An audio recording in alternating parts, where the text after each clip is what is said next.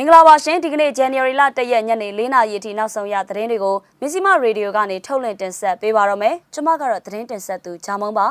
ဒီကနေ့မှာတင်ဆက်ပေးသွားမယ့်သတင်းတွေကတော့မန္တလေးစက်မှုမြို့တင်မှာယာယီမှုတအူပြစ်သက်ခံရတဲ့သတင်းမြောက်ကလာပါ6ခွေမှာလက်လုံပုံတွေ့တဲ့ဖြစ်စဉ်စကိုင်းမှာစစ်ကောင်စီထုတ်ပြီးရတွေဖမ်းဆီးပြီးဖျက်ဆီးတဲ့အကြောင်းနဲ့ဖင်လန်နိုင်ငံမှာ Omicron virus ဟန်တားနိုင်ရေးအတွက်ကာကွယ်ဆေးမထိုးရသေးတဲ့ခရီးသွားတွေကို တားမြစ်တယ်ဆိုတဲ့နိုင်ငံတကာသတင်းကိုလည်းရှုစားရမှာပါ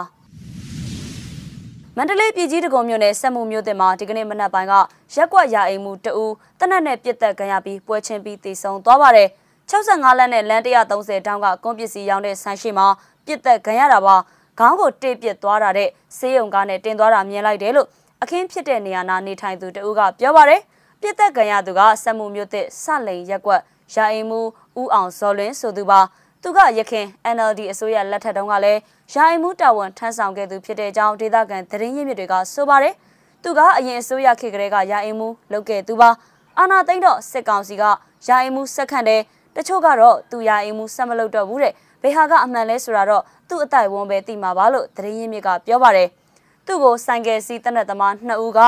ဦးကောင်းကိုတနက်နဲ့တိတ်ပြီးတော့ပြစ်သွားတာပါ။ဘယ်အဖွဲ့အစည်းကပြုတ်လုတယ်ဆိုတာကိုတော့မသိရသေးပါဘူး။ မန္တလေးပြည်ကြီးတကုံမြို့နယ်စက်မှုမြို့တင်မှာဒီဇင်ဘာလ12ရက်နေ့တုန်းကလည်းဇကွယ်ရက်ကွက်စစ်ကောင်စီခန့်အုပ်ချုပ်ရေးမှူးဦးစိုးငိမ့်ဆိုသူတနက်နဲ့ပြစ်တက်ခံခဲ့ရပါသေးတယ်ရှင်။ရန်ကုန်တိုင်းမြောက်ကလာပါမြို့နယ်6ကွေမှာဒီကနေ့မနက်ပိုင်းကလက်လုံပုံတွေးလို့စစ်ကောင်စီတပ်ကလမ်းပိတ်ပြီးတော့စစ်ဆေးနေပါတယ်။မနက်ကလမ်းတွေတောက်လျှောက်ပိတ်နေတာရွှေပောက်ကန်ကနေ6ကွေဘက်ကိုလာတဲ့ဝေဘာဂီလမ်းမကြီးတစ်လျှောက်ပိတ်နေတာနောက်မှ6ကွေမှာလက်လုံပုံတစ်လုံးတွေးလို့စစ်တပ်ကလာရှင်းနေတယ်လို့ပြောကြတယ်ဆိုပြီး သုံးဘိန်းဘေးတွဲမောင်းသူတို့ကပြောပါတယ်ဒီဖြစ်စဉ်ကြောင့်မနက်၈နာရီခွဲဝန်းကျင်ကစစ်ကောင်စီတပ်ရဲနဲ့ရင်ထဲရဲတွေရောက်လာပြီးတော့ဝေဘာဂီလမ်းမကိုလမ်းပိတ်စစ်ဆေးတာတွေပြုလုပ်ခဲ့ပါတယ်ဒါပေမဲ့ဘုံပေါက်ကွဲမှုမရှိတဲ့အတွက်မနက်၈နာရီ45မိနစ်လောက်မှာတော့လမ်းပြန်ဖွင့်ပေးခဲ့တယ်လို့သိရပါတယ်မနေ့ည9နာရီခွဲလောက်ကလည်း6ခွေဂက်ဆိုင်နာမှာဘုံတလုံးပောက်ကွဲခဲ့ပါသေးတယ်ရှင်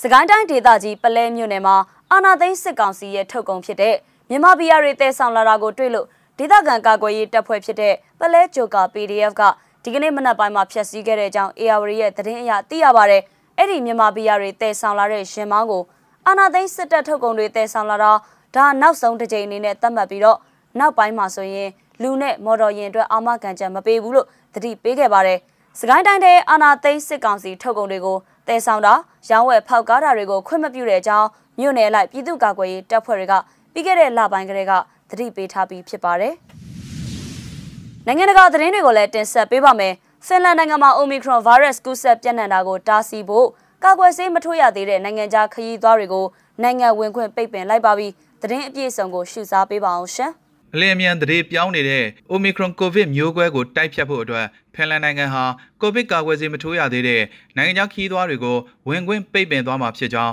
ဒီဇင်ဘာလ28ရက်အင်္ဂါနေ့ကကြေညာခဲ့ပါတယ်။ ကာကွယ်ဆေးအပြည့်အဝထိုးနှံပြီးသူသို့မဟုတ်ရခင်ကကူးဆက်ထားခံရပြီးလက်ရှိယောဂဘိုးကင်းစင်ကြောင်းစစ်ဆေးမှုအထောက်အထားပြနိုင်တဲ့နိုင်ငံသားတွေကိုသာဝင်ရောက်ခွင့်ပြုမှာဖြစ်ကြောင်းယခုသတင်းပတ်အစိုးရအစည်းအဝေးအပြီးပြည်ထရေးဝန်ကြီးဌာနကသတင်းထုတ်ပြန်ခဲ့ပါတယ်။ ဖင်လန်နိုင်ငံမှာနေထိုင်သူတွေမရှိမဖြစ်လိုအပ်တဲ့လုပ်သားတွေနဲ့တန်တမန်တွေပါဝင်တဲ့ချင်းချက်စည်းရဲမှာမပါတဲ့နိုင်ငံသားတွေအနေနဲ့နိုင်ငံတွင်းကိုဝင်ခွင့်ရမှာမဟုတ်ကြောင်းနေကြားဆောင်ပြောခွင့်ရတူက AFP ကိုအတည်ပြုပြောကြားခဲ့ပါတယ်။ရင်းစီမံဟာ EU နိုင်ငံတွေအတွက်လည်းတန်းတူတက်ရောက်မှုရှိမှာဖြစ်ပါတယ်။နိုင်ငံသားရဲ့မူလဇစ်မြစ်ဘယ်အရက်ဒေသကမဆိုအားလုံးကာဝယ်ဆေးထိုးပြီးကြောင်းလက်မှတ်နဲ့48နာရီအတွင်းယောဂကင်းရှင်းကြောင်းဆေးစစ်ချက်တွေတင်ပြဖို့လိုတယ်လို့နေကြားဆောင်တက်က တော်မီကီဗန်ဂျူရီကဆိုပါတယ်အဆိုပါသတ်မှတ်ချက်ဟာအင်္ဂါနေ့2နာရီမှာအသက်ဝင်ခဲ့ပြီးဥရောပသမဂ္ဂနိုင်ငံတွေရဲ့သတင်းပန်များအတွင်တင်းကျပ်တဲ့နေဆက်အစီအမံတွေချမှတ်မှုရဲ့တစိမ့်တစ်ပိုင်းဖြစ်လာခဲ့ပါတယ်။မစ္စည်းမရေဒီယိုရဲ့ညနေ၄နာရီအထိနောက်ဆုံးရသတင်းတွေကိုတင်ဆက်ပေးခဲ့တာပါ။စောင့်မျှော်နားဆင်ပေးခဲ့ကြတဲ့အတွက်ကျေးဇူးတင်ပါတယ်ရှင်။